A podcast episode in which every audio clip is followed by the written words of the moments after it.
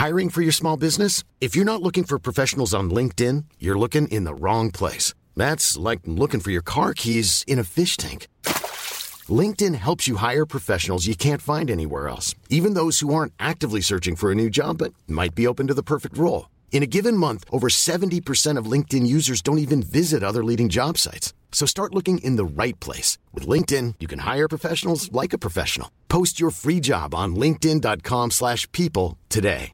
When you're ready to pop the question, the last thing you want to do is second guess the ring. At BlueNile.com, you can design a one-of-a-kind ring with the ease and convenience of shopping online. Choose your diamond and setting. When you find the one, you'll get it delivered right to your door. Go to Bluenile.com and use promo code LISTEN to get $50 off your purchase of $500 or more. That's code LISTEN at Bluenile.com for $50 off your purchase. Bluenile.com code LISTEN. Millions of people have lost weight with personalized plans from Noom, like Evan, who can't stand salads and still lost 50 pounds. Salads, generally, for most people, are the easy button, right? For me, that wasn't an option. I never really was a salad guy. That's just not who I am. But Noom worked for me. Get your personalized plan today at Noom.com. Real Noom user compensated to provide their story. In four weeks, the typical Noom user can expect to lose one to two pounds per week. Individual results may vary.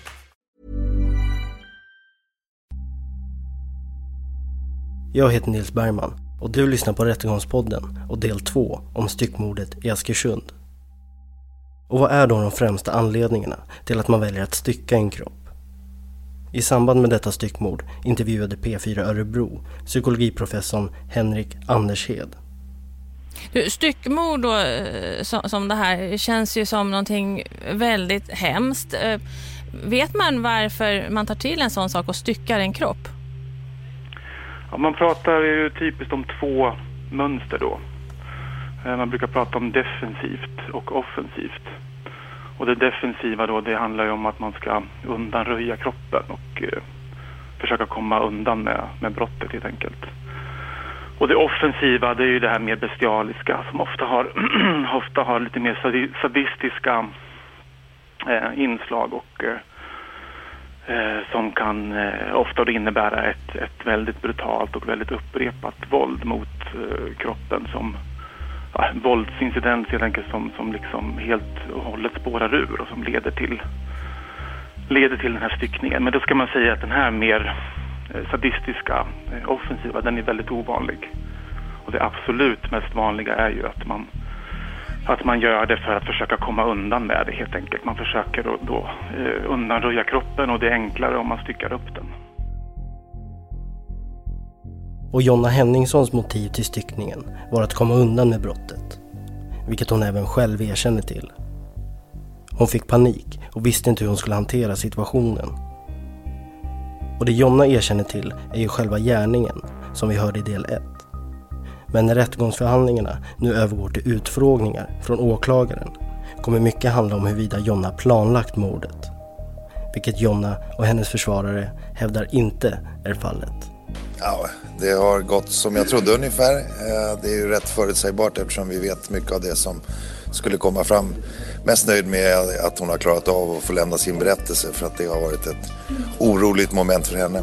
Åklagaren har åtalat henne för mord och eh, hon bestrider ansvar för mord på den grunden. Inte att det inte är hon som har bragt henne om livet utan att hon har inte haft uppsåt att döda henne. Det har inte varit hennes avsikt att hon ska dö. På, grund, på den grunden så förnekar hon ansvar då för mord. Jag menar att motivet för mordet är svartsjuka.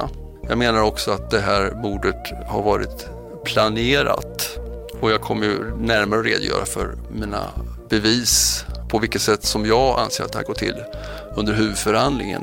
Så jag vill inte föregripa den på något sätt. Jag menar också att, att eh, jag har tillräckliga bevis för att väcka det här åtalet. Alltså bevisläget anser jag är gott. Samma dygn som den 22-åriga kvinnan hittades död så besökte den nu mordmisstänkte 25-åringen flertalet Flashback-diskussioner som handlade om hur ett mord kan utföras. En av trådarna väcker frågan vad är det bästa sättet att döda någon på och har fått 240 svar. Tråden Lite tips inför ett mord har hon också besökt och den har genererat 282 svar.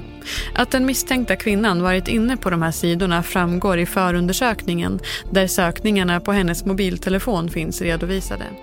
Som till exempel lättaste sättet att döda någon, hyra en hitman och döda killens ex. Saker som sen har överensstämt i stora delar med själva utförandet.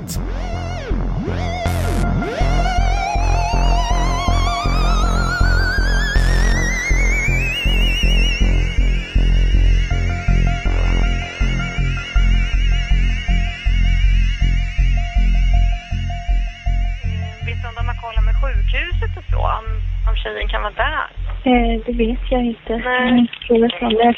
Så han har försökt ringa mig flera gånger nu så jag ska ringa honom nu. Ja, men, men det är nästan bättre om du inte tar kontakt med honom. Utan Okej.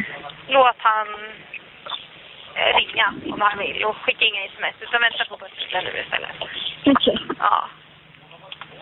Jag tror att det är bäst. Okej. Ehm, så kommer någon i alla fall inom kort till dig. Efter Jonas larmsamtal så kommer två poliser hem till henne. De åker till Jonas lägenhet i Askersund och ber Jonna förklara vad som har hänt. Hon berättar då samma version som i larmsamtalet. Att hon var där för att hämta sina grejer, men att Lovisa hade varit hemma och att ett bråk med kniv hade uppstått. Jonna fick då ett sår i handen innan hon lyckades ta över kniven och sticka tillbaka innan hon flydde lägenheten i panik. Hon berättar att hon sen åkte tillbaka till Jonas lägenhet för att återigen hämta sina grejer och då låst upp dörren och gått in. Men att Lovisa då var borta och att lägenheten var städad. När poliserna frågar hur det kommer sig att hon fått med sig nyckeln till lägenheten när hon nyss berättat att hon flydde från lägenheten i panik så brister det för Jonna. Hon inser att hon är påkommen och berättar nu att hon har dödat Lovisa. Att hon har gjort det i självförsvar men att hon åkt tillbaka till lägenheten och styckat kroppen i badrummet för att sedan transportera ut kroppen till skogen och gömt den där. Jonna grips nu och sätts i polisbilen för att åka till polisstationen i Örebro. Under färden frågar Jonna vad som kommer hända henne och ställer flera frågor om hur det är att sitta i häkte och i fängelse och vilket fängelse hon kommer att få sitta på. Polisen uppger att han kortfattat berättar hur processen fram till en eventuell rättegång går till, men har inget svar på de andra frågorna. I förra delen hörde vi Jonna själv berätta sin syn på hur det hela gick till. Och nu är det åklagarens tur att ställa frågor till Jonna. Och han kommer inrikta sig på att mordet på Lovisa var långt mer planerat än vad Jonna vill ge sken av. Du, om vi går in i juni. Du har ju berättat att du träffar Lovisa vid Strandhugget. Ni har samtal med varandra. Och eh, du skickar ett sms, eller ett Facebook-meddelande till henne. Den 10 juni. Varför skickar du det? Därför att alltså jag ville få slut på triangelat. Och när vi satt och pratade då, den, jag tror att det är den första juni som vi satt på strand, utanför Strandhugget och pratade. Eh, och då vet jag alltså, Lovisa liksom var, hon sa att hon var jättetrött på allting. Hon sa att hon orkar inte mer, det har varit så länge och hon trodde att han kommer bättra sig.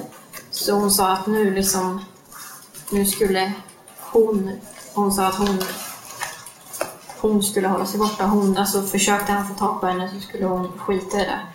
Så hon liksom skulle göra valet åt honom. Mm. Eh, det kändes skönt för mig för jag sa samtidigt att jag Alltså jag fixar inte att, att ta avstånd från honom. Eh, så att hon sa liksom att hon skulle vara den starkaste av oss tre.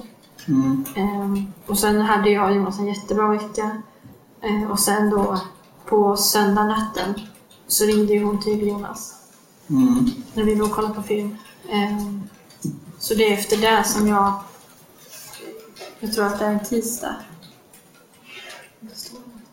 jag tror att det, alltså det här är han, hon ringde ju natten söndag, måndag. För jag tror att det här är på tisdag som jag skickar. Mm. Så att jag... Ja, alltså det är som, som jag skriver, att jag vill att hon ska vara den starkaste, starkaste av oss tre.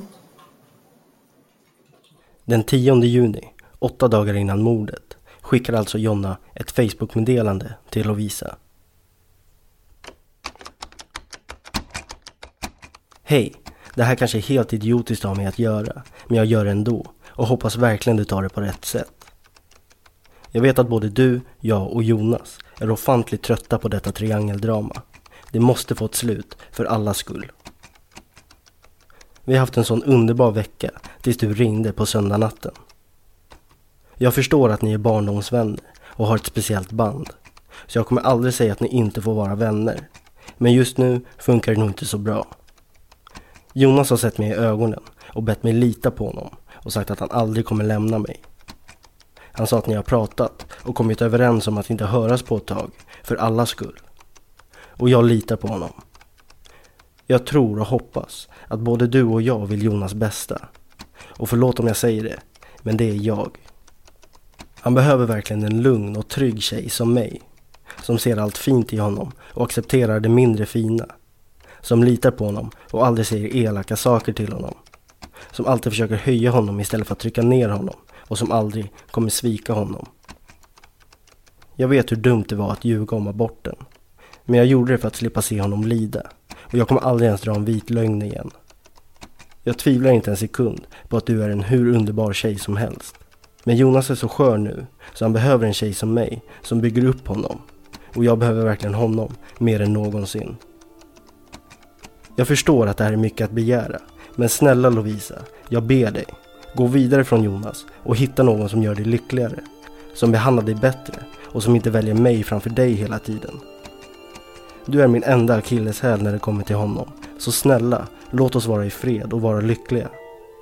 Var den starkaste av oss tre och gå vidare. Det här låter väl helt vrickat, men behöver du någonsin prata så är här mitt nummer. Jag vet att vi inte känner varandra, men på något sätt tror jag ändå att jag kan vara ett jättebra stöd. Fasen vad dumt det verkar. Jag hoppas att du tar till dig vad jag skrivit och respekterar mig och Jonas i fortsättningen. Och som sagt, behöver du prata så har du mitt nummer. Sköt om dig Lovisa. Jag hoppas du blir världens lyckligaste tjej.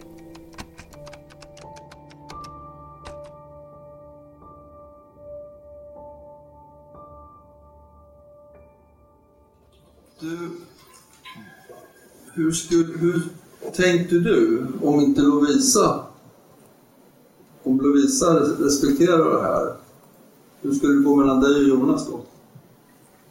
Alltså jag trodde att han, då skulle allting bli jättebra. Ja. I min värld så var, alltså, jag trodde att, alltså som jag skriver, det kändes som att skulle hon liksom bara ta avstånd från honom så skulle det gå jättebra.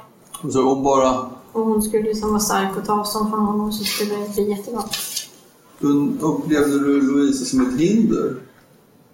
Alltså det var ju triangeldrama så att det, det är klart att jag tyckte att hon stod i vägen för mig och Jonas. Så att om hon inte skulle vara med då, då skulle ni kunna få det bra, som du sa. Ja, jag tror det. Alltså, I min värld så hade, skulle hon ta avstånd från honom så skulle det bra. Mm. Men jag hade ju aldrig någon tanke att hon skulle försvinna för att hon skulle vara död. Utan det var för att hon skulle, alltså hon skulle sluta träffa Jonas. Mm. Fick du några reaktioner på det här meddelandet du skickade? Eh, hon svarade ingenting. Mm. Eh, Men jag vet för jag på kvällen efter det här så åkte jag till Jonas. Eh, och då sa jag att, att jag hade skickat det. Och han sa att eh, hon hade sagt att hon hade fått ett meddelande. Jag minns, jag minns inte om han sa att, att hon hade läst upp det för honom. Eh, men han, han sa att hon tyckte att jag verkade desperat i alla fall. Mm. Det var det enda som han sa. Vill, ville Jonas att du skulle komma? Kvällen? Nej, alltså det, det, det har jag ju berättat innan. Det är ju den här veckan innan den 18. Mm. När han egentligen ville vara själv, men jag klarade inte av att vara själv. Mm. Så jag åkte dit ändå. Jonna mår som sagt mycket dåligt över att förhållandet med Jonas inte ser så hoppfullt ut. En vecka senare kommer Lovisa att dö och åklagaren är intresserad av att veta när och hur Jonna fick tag i de mediciner hon spetsar sina sprutor med. Vissa mediciner Mm. eh, som du har berättat att du har, har haft med dig preparerade med sprutorna. Var har du fått tag på de här medicinerna ifrån? På jobbet. På jobbet? Vad är det för typ av mediciner? Eh, Alltså det ena är Terralindroppar. Och det andra är... Alltså jag... Jag trodde att det hette Melatonin. Mm. Men eh, jag vet inte, alltså... Jag har läst så här, liksom i förundersökningen och sånt där. Alltså jag vet inte om det heter eller om det är substansen som heter det. Mm. Vad är det bra för då? Att, eh, alltså det är insomningsmedicin Hur fick du tag på det då? På jobbet. När då? Nej. Eh, alltså det, jag, jag minns inte riktigt för att jag vet att jag har haft det liksom hemma för att jag har haft svårt att sova själv när jag liksom har varit så ledsen och alltså, mått dåligt. Så jag har haft det hemma för att jag skulle kunna sova bättre själv men jag har aldrig använt det själv. Nej. Hur länge har du haft sömnproblem då? Alltså, jag har alltid haft svårt att sova när det är någonting som oroar mig, när jag mår dåligt eller någonting. Eh, men det har väl varit mycket nu sista halvåret, sen då julen. Mm. Du hade inte funderat på att gå till en läkare och försöka få lite insomningsmediciner? Alltså jag, jag vill egentligen inte ta något. Jag tycker jag vill inte ta för att jag vill inte bli beroende av det. Eh, Mm. Jag har haft tankar om jag ska gå, jag har sökt och googlat på och, och gå till en läkare och få antidepressiva men inte som medmänsklig. Nej. Men har du haft någon kontakt och tagit med en läkare för att du mår dåligt? Nej. Nej, men, men var det verkligen så att du tog för att du skulle använda dem själv? Var det inte för att du skulle använda mot Jonna? Eller mot, mot Lovisa? Nej, jag hade dem ett tag hemma. Ja, när, när, när i tiden tog du dem här? Alltså det vet jag inte. Var det januari, eller var det februari, eller var det mars? Det är någon gång i våren i alla fall. Under våren? Mm. Så du tar, och sen vet du inte, men vad blir det för effekt om man tar för mycket då? Alltså, skulle man svepa hela flaskan så skulle man, det är säkert inte så bra. Mm. Eh, Men så att du, du, du bara ska ta lite på känn då? Alltså jag tog ju hem för att jag skulle ha. Och sen tänkte jag väl att om jag någon gång skulle använda det då skulle jag väl kolla upp noggrannare bara hur mycket jag skulle ha. Jaha, hur skulle du kunna mäta upp det då? Så jag vet inte riktigt. Nej. Och den andra medicinen, Mm. eh, som inte var i droppform, vad var det för någonting då? Det är den här som ett... Ja, jag vet inte om den heter melatonin eller om det är substansen. Mm. Eh, den får eh, han som är assistent åt. Det är så här kapslar Mm. som man, man tar isär. Eftersom han inte, han äter inte utan han har en knapp som han, han får via sond. Eh, så att han, då tar vi isär de här kapslarna för det är ett vitt pulver inuti. Mm. Så vi tar isär dem och eh, häller i spruta. Mm. Tre stycken på kvällen. Och det tog du också? Att Jonna preparerar sprutor med sömnmedel och sprit för att kunna söva sitt offer är lika udda som allt annat i det här fallet. Och när hon i polisförhör ombeds resonera kring hur hon tänkte kring detta refererar hon själv till tv-serien Dexter som är en av hennes favoritserier.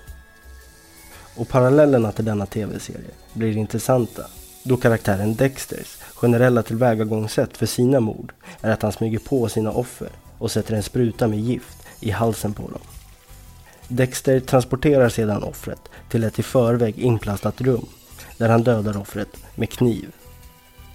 Dexter styckar sedan kroppen och placerar kroppsdelarna i sopsäckar och åker sedan ut på havet och dumpar dem. No, what you've actually done is open my eyes. Force me to look at myself. What do you see? A trail of blood and body parts. In one sharp moment, you took away this foolish dream that I could have a happy life. Is that why you're here? Tell me all this. No, I'm here to kill you with that pen.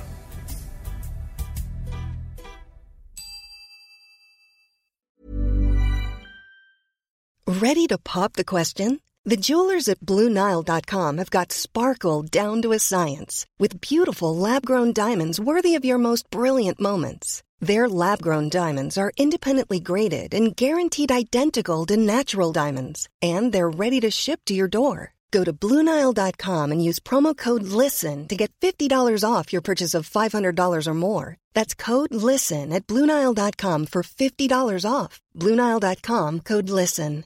How would you like to look five years younger? In a clinical study, people that had volume added with Juvederm Voluma XC in the cheeks perceived themselves as looking five years younger at six months after treatment. Look younger, feel like you. Add volume for lift and contour in the cheeks with Juvederm Voluma XC. Reverse signs of aging by adding volume to smooth laugh lines with Juvederm Volure XC.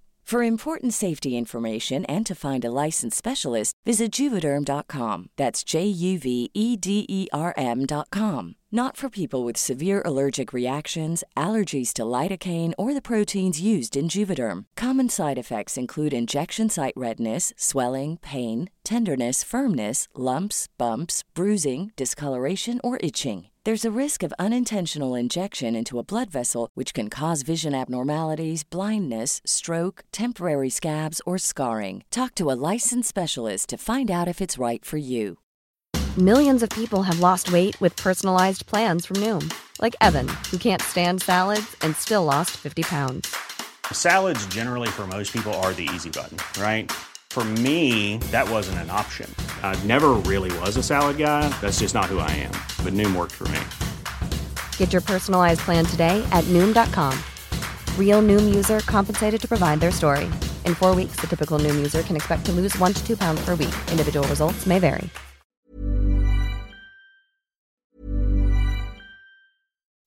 When you make decisions for your company, you look for the no brainers. If you have a lot of mailing to do, stamps.com is the ultimate no brainer. Use the stamps.com mobile app to mail everything you need to keep your business running with up to 89% off USPS and UPS. Make the same no brainer decision as over 1 million other businesses with stamps.com. Use code PROGRAM for a special offer. That's stamps.com code PROGRAM. Du, Dexter, vad är det för någonting? Tv-serie? Ja, du skulle se på den? Ja, så jag har sett den. Ja. Och hur, vad gör huvudpersonen där då? Eh, men han dödar ju brottslingar som han... Som de inte tar. Ja. Hur går han tillväga då?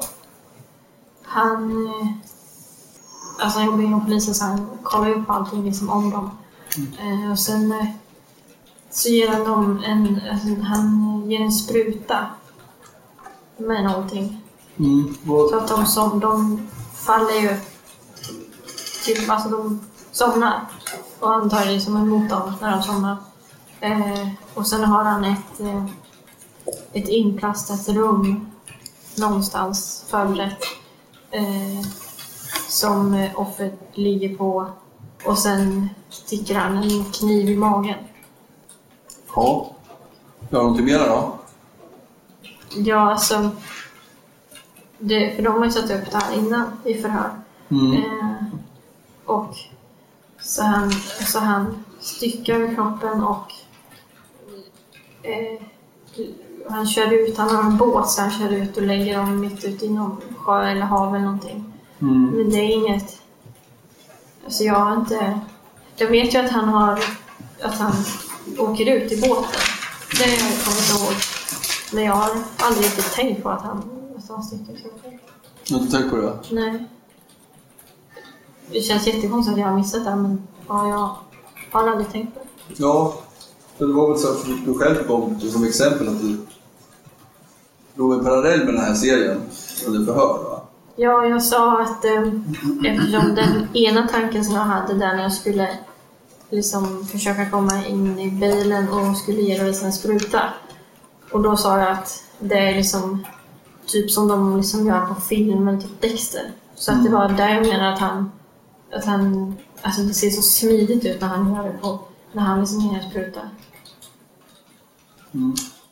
Och likt Dexter gör med sina tilltänkta offer så börjar Jonna veckan innan mordet söka på information om och kring Lovisa på sidor som Eniro och Ratsit. Men detta i sig är inte så anmärkningsvärt. Men kombinerat med hennes andra sökord så blir det det. Men vi ser här 12.43 så Google söker du lättaste sättet att döda någon. Ja. Var, varför söker du på det? Som jag sa, alltså det är terapi för mig själv. Alltså jag hade ingen att prata med, jag googlade. Det var det sättet som jag fick ut min frustration på. Då får, du för, då får du förklara för mig hur den här terapin för dig fungerar. Alltså jag var ju jätteledsen. Ja, du var Jag ledsen. visste inte vad jag skulle göra. Jag visste liksom inte vad jag skulle ta mig till. Nej. Så det var, så det var skönt att läsa. Ja. Men det var aldrig någon tanke att det skulle bli verklighet. Vad, vad tänkte du när du, fick, när du kom in på den här? När du sökte på det här? Alltså jag googlade på det första. Eh, och det andra är ju saker som den här Flashback-sidan. Mm. Det är väl bland det första som kommer upp. Eh, det är väl liksom därifrån som jag har kollat den här Flashback eh, vad heter det, tråden. Mm. Det är väl där jag har hittat det mesta som jag googlar på vidare. Liksom. Gick in och läste någonting på de här? eller?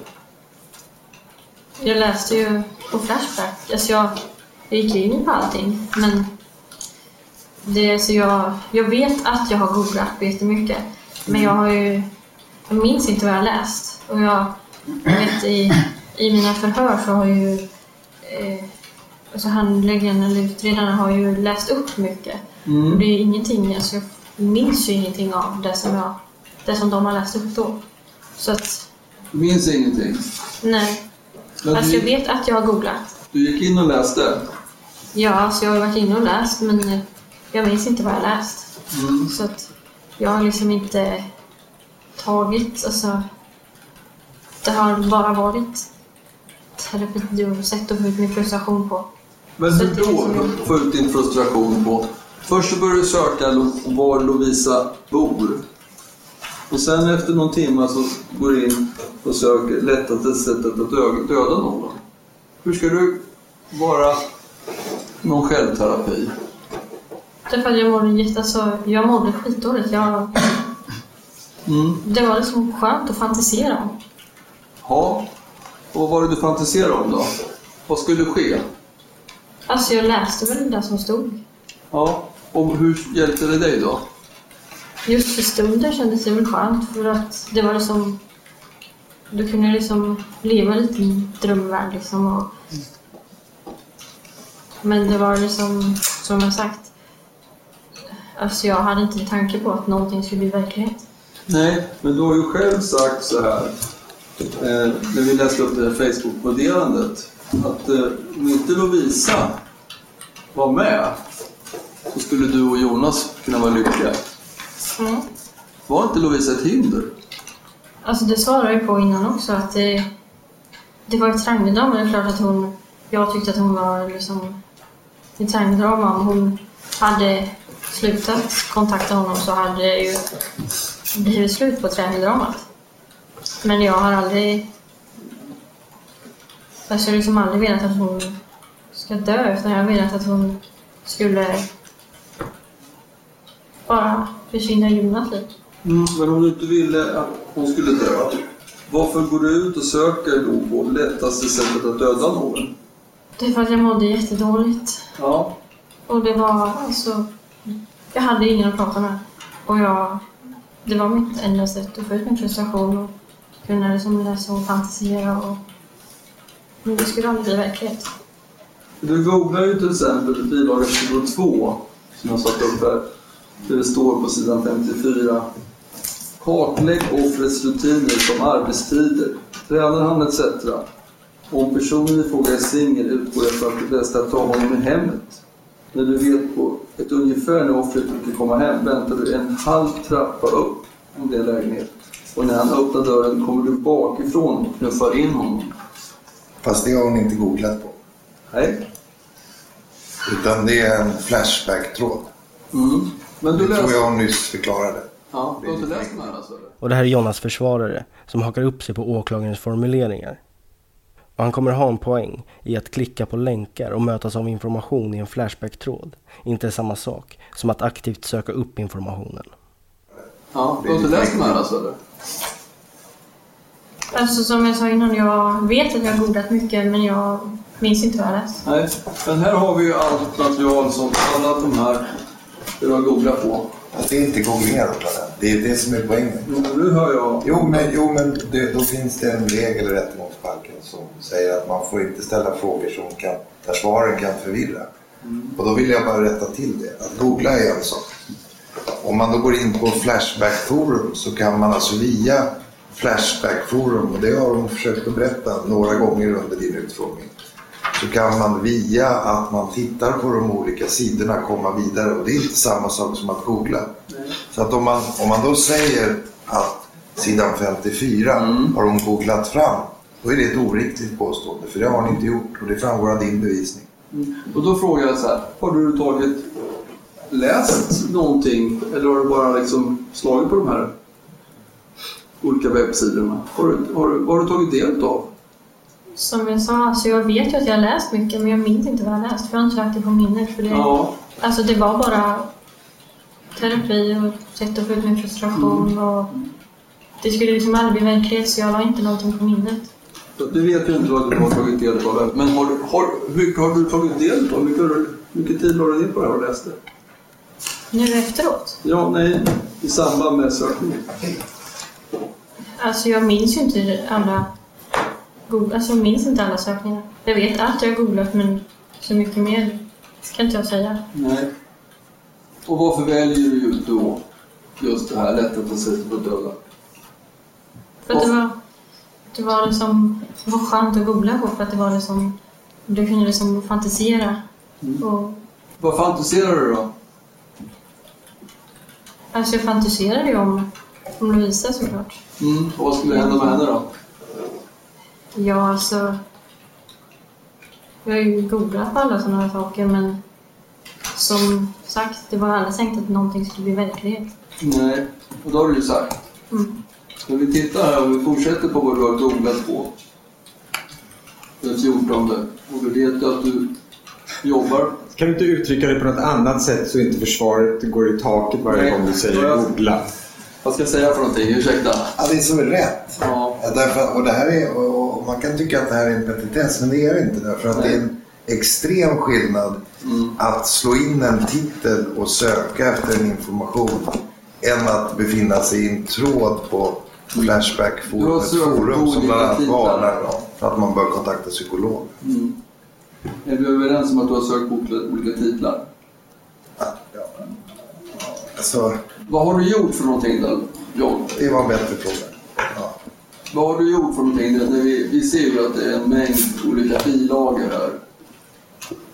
Alltså som jag sa, det första jag googlade på. Det allra, allra första. Lättaste sättet att döda honom. Mm. Det har jag nog skrivit in själv. Och sen har alla Flashback-sidor kommit upp. Mm. Så då har jag gått in på dem och kollat vidare. Om vi tittar på bilaga 26 då. Obesök hyra en hitman. Vad har du gjort där? Eh, det, alltså, jag minns inte exakt vilka, vad det är som jag liksom har, om det var en länk i, i Flashback-forumet Mm. eller om det är så att det har stått någonting om det och att jag har liksom kopierat och googlat vidare. Mm. Okej. Men har du gjort någon aktiv handling för att komma dit? Det vet jag inte riktigt. Jag vet inte om, det, om jag har klickat in på en länk eller om jag har kopierat och googlat. Jonna söker även på giftet resin och på den giftiga gasen svavelväte i samma veva som hon söker på döda killens ex, åka dit för mord utan kropp samt på vad händer om man injicerar alkohol i blodet. Hon söker även på hur hårt måste man slå någon för att däcka någon? Hur slår man ner någon? Och även slå med en hammare. Utöver detta är hon i sina sökningar dagarna innan mordet också väldigt intresserad av tåg och tågrälsar. Detta är också något hon söker frekvent på under dagen för själva mordet. Alltså jag sitter i bilen i ja, länge. Ja. Men det, alltså jag har inget minne av att jag sitter i bilen länge. Vet jag sa mina första, för jag trodde ju först att jag var där typ vid sextiden för att när jag går och, och liksom går till porten första gången så är ju porten öppen. Eh, så alltså jag vet inte riktigt, jag har inget minne av att jag sitter i bilen så här länge. Men vem ska ha gjort det här annars då? Ja men det är ju säkert, alltså det är klart att det är jag. Men jag har inget minne av det. Har du någon förklaring till varför du söker Google-sök tåg Askersund? Nej, alltså jag vet ju själv att den morgonen så hade jag ingen som helst tanke på att Ulrika skulle dö. Eh, men jag vet ju att jag var jätteledsen. Eh, så att jag satt väl och funderade om jag skulle åka själv och hoppa någonstans. Förlåt? Jag satt väl och funderade om jag skulle åka själv och hoppa någonstans för att jag inte orkade med. Jag var så ledsen. Du sitter och tänker på att du skulle själv hoppa. Vad då för någonting? Framför ett tåg. Ja. Hur tänker du då? Du sitter i bilen, du har hammare, förskärare, du har sprutorna. Du tror att Lovisa är i lägenheten.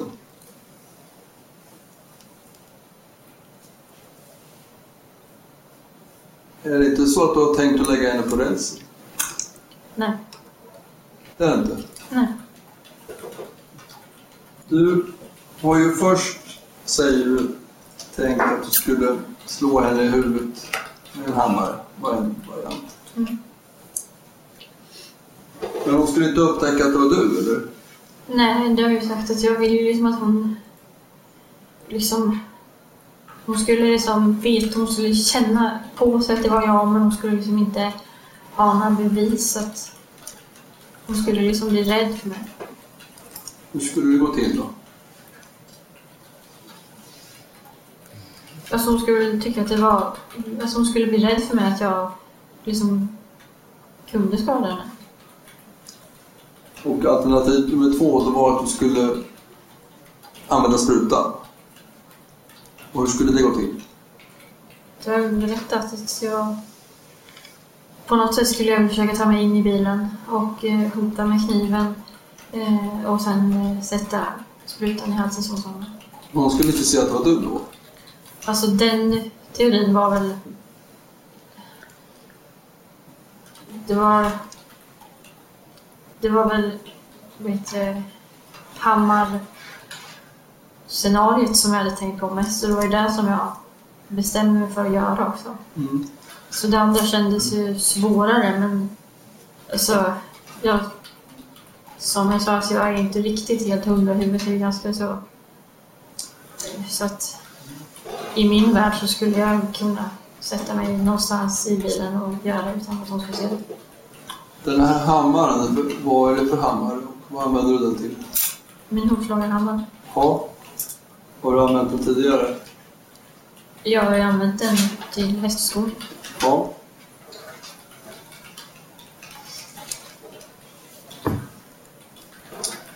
Om man slår någon i huvudet med en sån hammare, vad kan det bli för effekt då? Alltså så här efteråt så... Det är klart att jag måste... Jag borde liksom ha fattat att det... Det är att de kan få liksom skador och sånt men det... Alltså... Jag tänkte inte så då. Jag fattade inte det själv. Jag tänkte bara att hon skulle svimma. Och så skulle jag kunna gå därifrån och sen var det med det. Skulle hon vakna och hon skulle liksom känna på sig att det var jag och hon skulle bli dig. Men inte någon hade visat för. Så att man, du menar att man svimmar bara om man blir slagen i huvudet med en hammare? Eller? Det var det som jag tänkte då. Ja, det blir inga andra effekter. Alltså jag vet, jag fattar ju det nu men jag tänkte inte så då. Du har inte förstått det tidigare? Som jag sa, alltså jag var inte helt hundra i huvudet. Jag... jag långt. Nej, du var... Men menar du att du att... Du tror bara att man svimmar, att det inte blir någonting mer? I min värld så var det så då ja. Har det alltid varit så? Alltså jag har väl aldrig tänkt på det. Vad sa du? Jag har aldrig tänkt på det innan. Nej, men nu börjar du tänka på att du skulle använda hammaren och slå henne i huvudet med. Du sa också att jag vet ju inte exakt. Alltså jag kan inte säga vilken exakt tidpunkt det är men det är någonstans mellan eh, att jag lämnar nyckeln till, till den 18. Så lördag till onsdag någonstans men Mm. jag kan inte säga exakt. när. Efter mordet, men innan Jonna åker hem första gången, gör hon också många sökningar på internet. Men du, innan du åker hem, vad jag förstår, så finns det ett Google-sök och då har jag lärt mig nu att det är en sökning som du har gjort. Eh, Det är på sidan 31 högst upp. Det står Google-sök, vanligt ställe att hoppa framför tåg. Det gör du 0732. Varför söker du det? Alltså jag har inget minne av att jag har sökt på internet förrän jag sitter på bussen. Nej. Men jag vet ju att jag... Alltså jag var i chock. Alltså jag visste ju inte alls vad jag skulle göra. Och jag fattade ju liksom att hon var död. Mm. alltså att det var mitt fel. Eh, så... Alltså jag kan inte riktigt svara på det men min känsla är väl att jag ville väl kanske hoppa framför tåget själv för att jag inte orkar med resten. Ja. Så att 7.32, då söker du på Google vanligt ställe att hoppa framför tåg.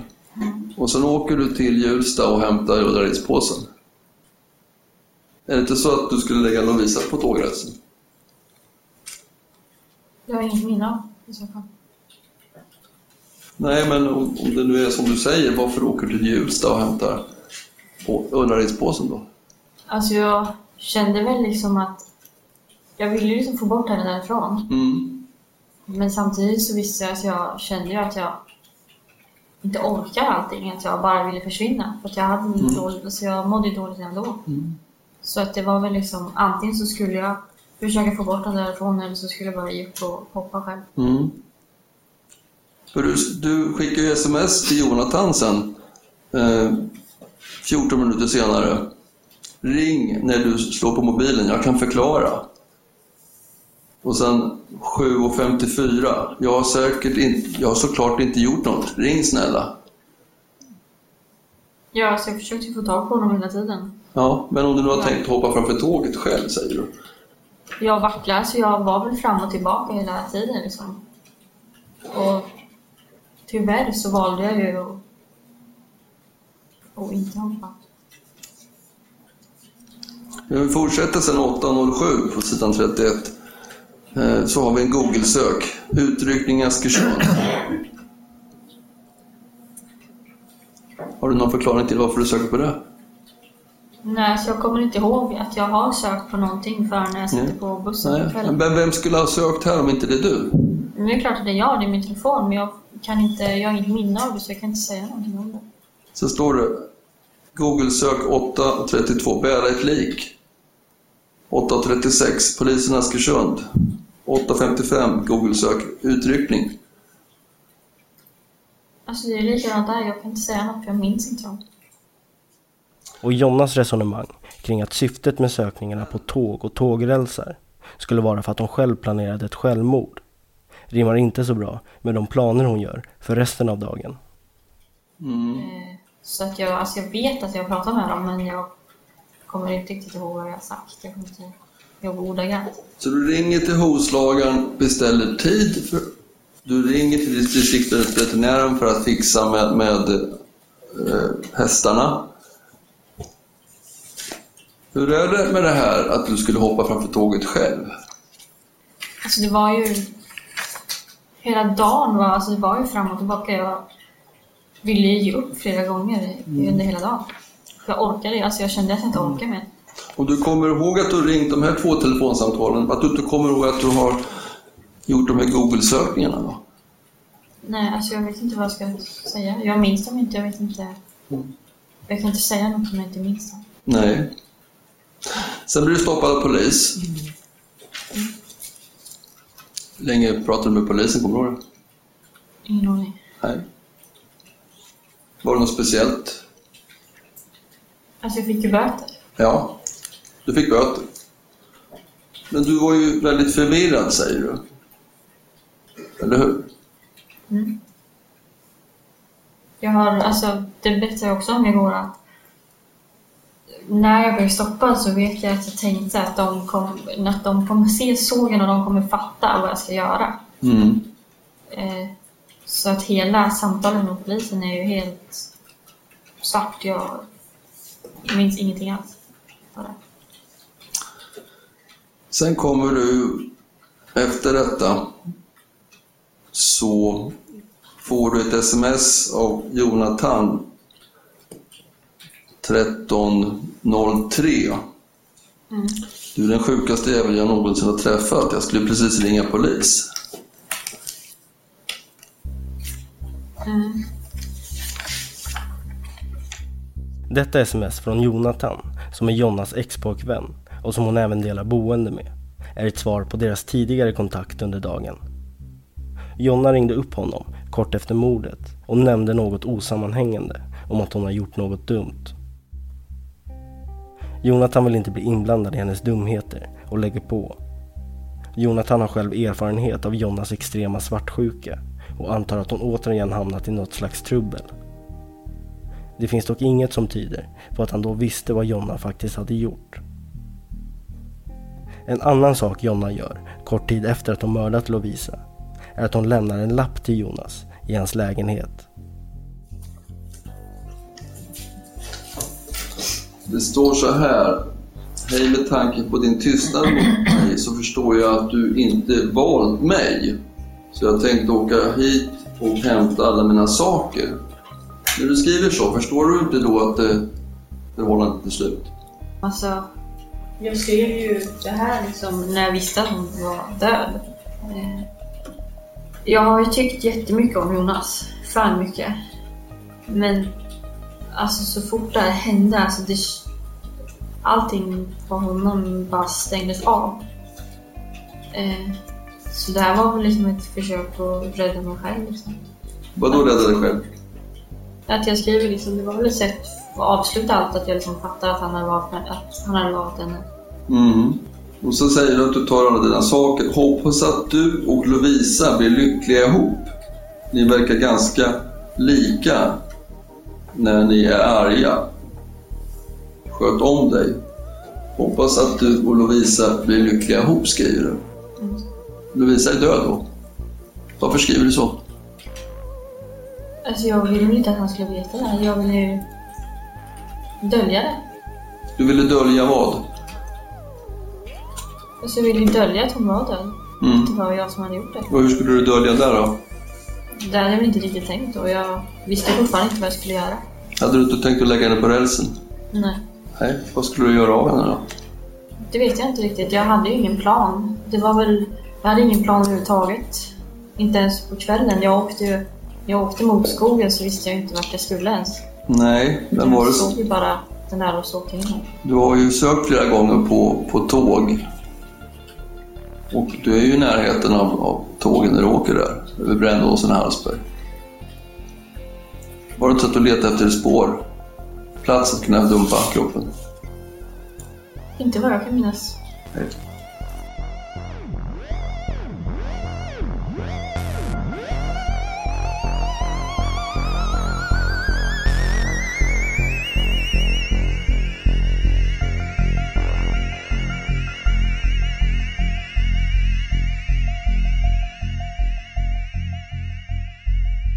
Åklagaren har ju hela tiden menat att Jonas tågrelaterade sökningar var en del av planen att dölja mordet på Lovisa. Vilket är av vikt att fastställa då det i så fall visar på att Jonna redan dagarna innan skulle ha planerat att Lovisa skulle dö. Jonna har ju nekat konsekvent till dessa anklagelser. Fram till slutet av förhandlingarna då hon plötsligt ändrar sig något. Och sen som jag sa innan att alltså jag visste ju inte vart jag skulle överhuvudtaget så det blev ju bara ren slump att det blev just den. Jag såg den här stigen och så svängde jag in här. Mm. Men du, det står också Google-sök. Överkörd av ett tåg, mosad. Alltså när jag satt på, på bussen så vet jag ju, för det är det enda jag minns under dagen att jag har googlat. Eh, och då vet jag att jag, alltså jag visste ju inte vad jag skulle göra överhuvudtaget. Så jag liksom googlade och försökte hitta någon lösning. Mm. Och vad, vad kan det vara för lösning då? då? Alltså då var ju, alltså jag, som jag har läst om här, alltså då var ju en liksom tanke var ju att jag skulle lägga henne på ett tåg. Ja. Eller på ett räls. En tanke var att du skulle lägga henne på en räls. På Och- bussen, eller ja, när jag satt Ja. på bussen så var det det. Ja. Och, och eh, för du har ju fler sökningar här också. Det står en Google-sök 18, ja, 18 och 33 tror jag det är. Överkörd av tåg.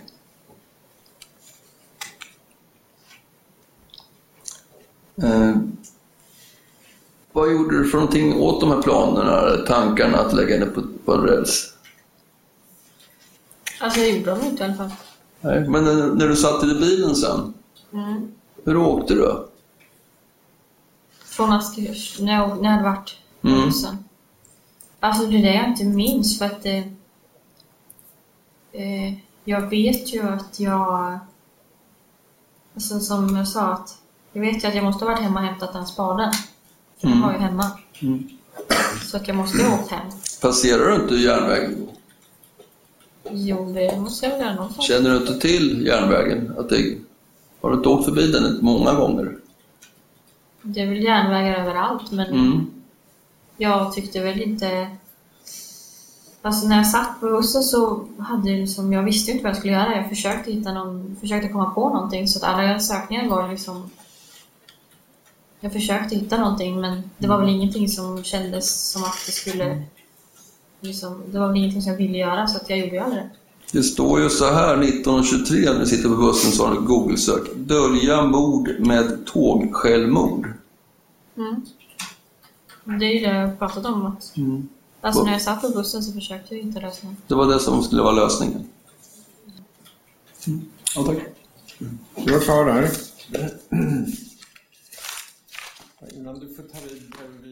Den 19 december 2014 faller tingsrättens dom mot Jonna. Sveriges Radio är på plats och intervjuar domaren i målet, Björn Lindén. Det här var ju då eh, den, eh, de reglerna som gällde före 1 juli. Och eh, då kan man säga att i praxis utgår man från 14 års fängelse. Sen tittar man på eh, saker i höjande riktning och saker i sänkande riktning. Det här fallet eh, har ju präglats av en stor grymhet, det har varit utdraget förlopp och det har inneburit stort lidande för den här kvinnan som har dött. Hon måste ha drabbats av dödsångest. Och det höjer ju upp det hela naturligtvis.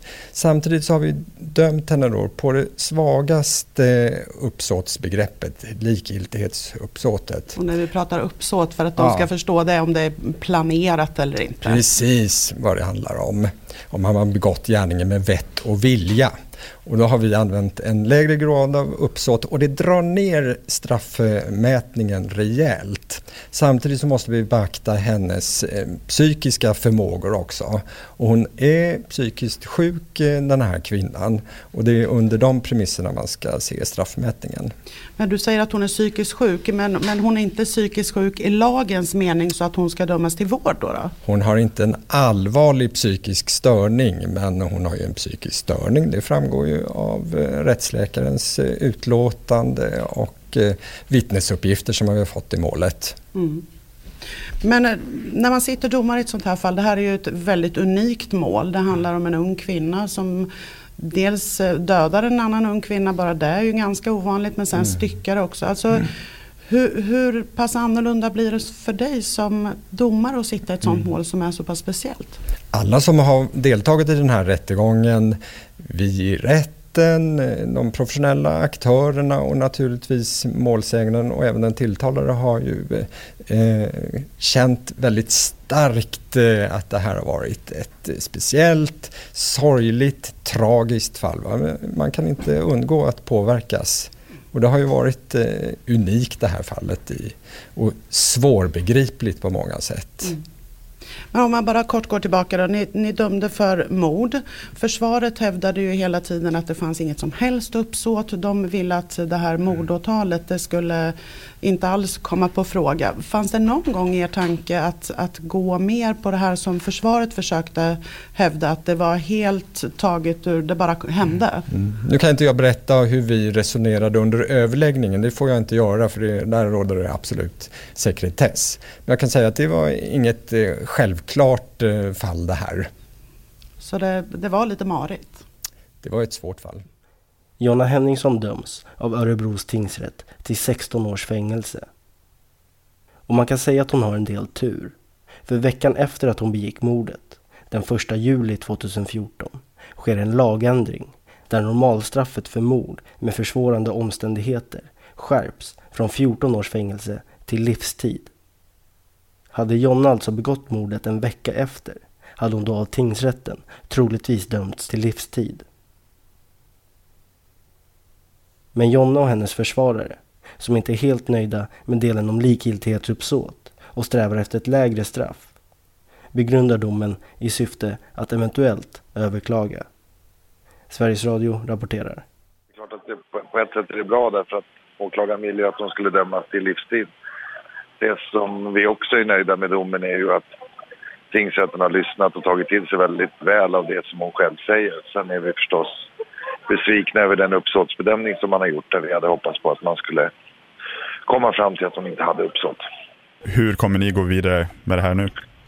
Ja, nu har vi träffats och nu har vi läst igenom domen tillsammans och så ska vi fundera. Vi har ju tre veckor på oss. Men jag kan väl säga så mycket då att det är klart att hon är besviken över just att man fann att hon hade uppsåt. Så att, men vi ska i lugn och ro fundera över det över helgerna här. Det låter lite som att ni är inne på att ni kanske kommer överklaga domen. Alltså vi, det är klart att det finns med bland tankarna därför att hon vill ju inte bli dömd för ett uppsåtligt brott. Men som sagt var, det finns ingen anledning att hasta utan man ska i lugn och ro läsa igenom domen och så ska vi se vad åklagaren gör också förstås. Hur mår din klient just nu? Ja, alltså jag skulle säga blandat. Lättad över att inte ha blivit dömd till livstid. Eh, lättad över att tingsrätten har lyssnat och tagit till sig av det hon har sagt och framförallt kommit fram till att hon inte har planerat det här eller haft någon sån avsikt när hon begav sig dit. Men naturligtvis tyngd av att ha dömts till 16 års fängelse. Det är ett mycket långt straff när man är 25 år gammal. Jonna och hennes försvarare nöjer sig till slut med straffet på 16 års fängelse. Men det gör inte åklagaren. Han menar att mordet var planerat, att straffet självklart ska skärpas och beslutar sig för att överklaga domen till hovrätten. Har visat en stor hänsynslöshet vid gärningen och även i förloppet utnyttjat hennes skyddslösa ställning och, svårighet att värja sig. Och jag menar i det här fallet så föreligger det synnerligen försvårande omständigheter som man ska beakta vid straffmätningen. Jag menar att det har varit planerat. Med hänsyn till dessa omständigheter menar jag att det dömas till livstidsfängelse. Så målet tas upp i Göta hovrätt och den 18 mars 2015 faller hovrättens dom där det bland annat står att mordet skedde helt oprovocerat och på ett synnerligen brutalt sätt. Vidare skriver hovrätten att händelseförloppet vid mordet var utdraget och innebar ett svårt lidande och dödsångest för den mördade. Det i sig borde ha fått den dömda kvinnan att förstå att offret skulle dö, vilket hon själv hävdat under rättegången att hon inte förstod. Ytterligare en försvårande omständighet enligt hovrätten är att 25-åringen efter mordet styckade kroppen och grävde ner delarna i skogen. Det finns inget annat straff än livstidsfängelse, skriver hovrätten i domen. I'm gonna hide if she don't leave me alone. I'm gonna run away. Don't. Du har lyssnat på Rättegångspodden om styckmordet i Askersund. Rättegångspodden görs av mig, Nils Bergman. Ansvarig utgivare är Jonas Häger. Tack för att ni har lyssnat. You can never go home anymore. Listen, does this sound familiar? You wake up every morning, go to school every day, spend your nights on the corner, just passing time away. Your life is so lonely, like a child without a toy. Then a miracle, a boy. And that's called glad. Jag var liksom, vad han än gjorde, vad han än sa, så var jag alltid snäll mot honom och jag förlät honom allting. Men Lovisa var ju, alltså hon skällde ju på honom. För att han, alltså hon, vilket han förtjänade, men jag tyckte inte det då, för jag tyckte så himla mycket om honom. Ehm, så i min värld var liksom hon liksom stor och tuff och skällde på han och jag var liksom liten och feg och så snäll och gjorde aldrig någonting någon. Och i min värld så, alltså hon skulle ju svimma av när jag slog en gång med hammaren. Eh, och det är liksom, alltså jag, jag ville liksom att hon skulle bli rädd och tycka att jag liksom också kunde vara stor och tuff och att hon liksom skulle sluta höra av sig till mig. Så jag och han kunde vara lyckliga.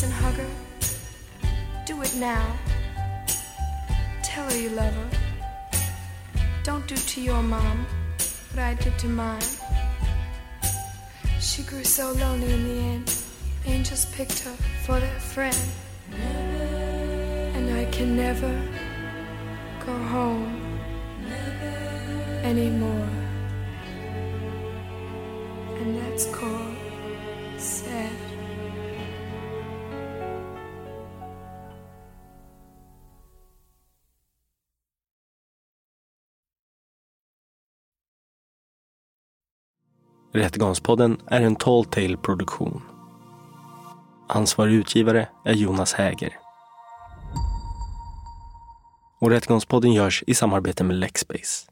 Ange rabattkoden Rättegångspodden när du blir ny betalande medlem på lexbase.se och få tre kostnadsfria domar.